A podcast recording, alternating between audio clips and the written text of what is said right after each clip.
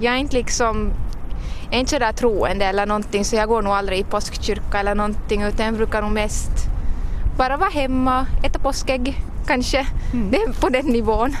Jättebra. Hur är det med dig? Ja, jag firar med. Det är typ det. Mm. Men du har ju en jättefin gul halsduk. Har det någonting med påsken att göra? Det brukar ju vara en sån här påskfärg. Nå, nej, inte egentligen. Det är nog köpt på hösten men tänkte att det passar bra idag ändå. Det funkar ju fint. Det funkar bra. Lite ja. kycklingfärg. Ulf Engsås och dottern Matilda Engsås från Falun är i Vasa för att träffa släktingar. Det brukar alltid bli en del resor under påsklovet.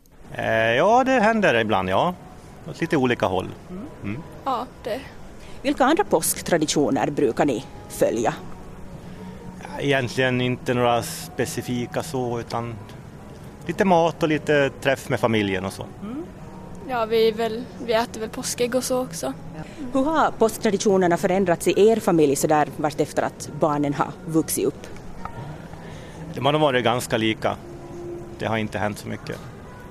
Men tänker man längre tillbaka så var ju påsken mer stilla högtid. Nu är det ju lite mer normal helg kan man säga. Boris Berts lämnar aldrig bort memman, även om han numera får nöja sig med en lite lättare version. Med sig på stan i Vasa har han barnbarnen Lovisa och Emmy Berts och släktingen Håkan Jonsson. Ja, jag äter memma åtminstone med uh, vaniljsås. Jag fick här på Facebook att det ska vara gräddon till. Så skrev jag ja, jag är hjärtpatient så gräddon ska bort. Om man tar lite mindre fett så mår man bättre. Men smakar det lika gott då? Jag tycker det smakar lika gott. Man vänjer sig. Ja. Hur är det med er då? Hur firar ni påsken? Eh, ja, vi brukar också äta mamma. Mm. Mm. Och ni har säkert slutat av att vara påskhäxor eller finns den traditionen i Sverige? Eh, när vi var små så brukade vi vara det, eh, men inte längre. Hur skulle du säga att familjens påsktraditioner har förändrats över åren?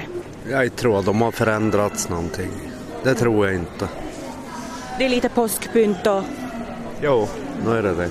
Hur är det med dig? Hur har dina påsktraditioner förändrats under årens lopp? Nå, vad ska jag säga? Jag tycker det här påskhäxorna börjar springa så tidigt. Förr började vi på, på, på, på riktiga lördagen. Nu kan det ju komma mitt i veckan nästan och dagen före och, och det där. Och, och, godis och godis. Förr var det nog inte så det mycket godis som är idag. är ju hela kaffepannan full med, med godis.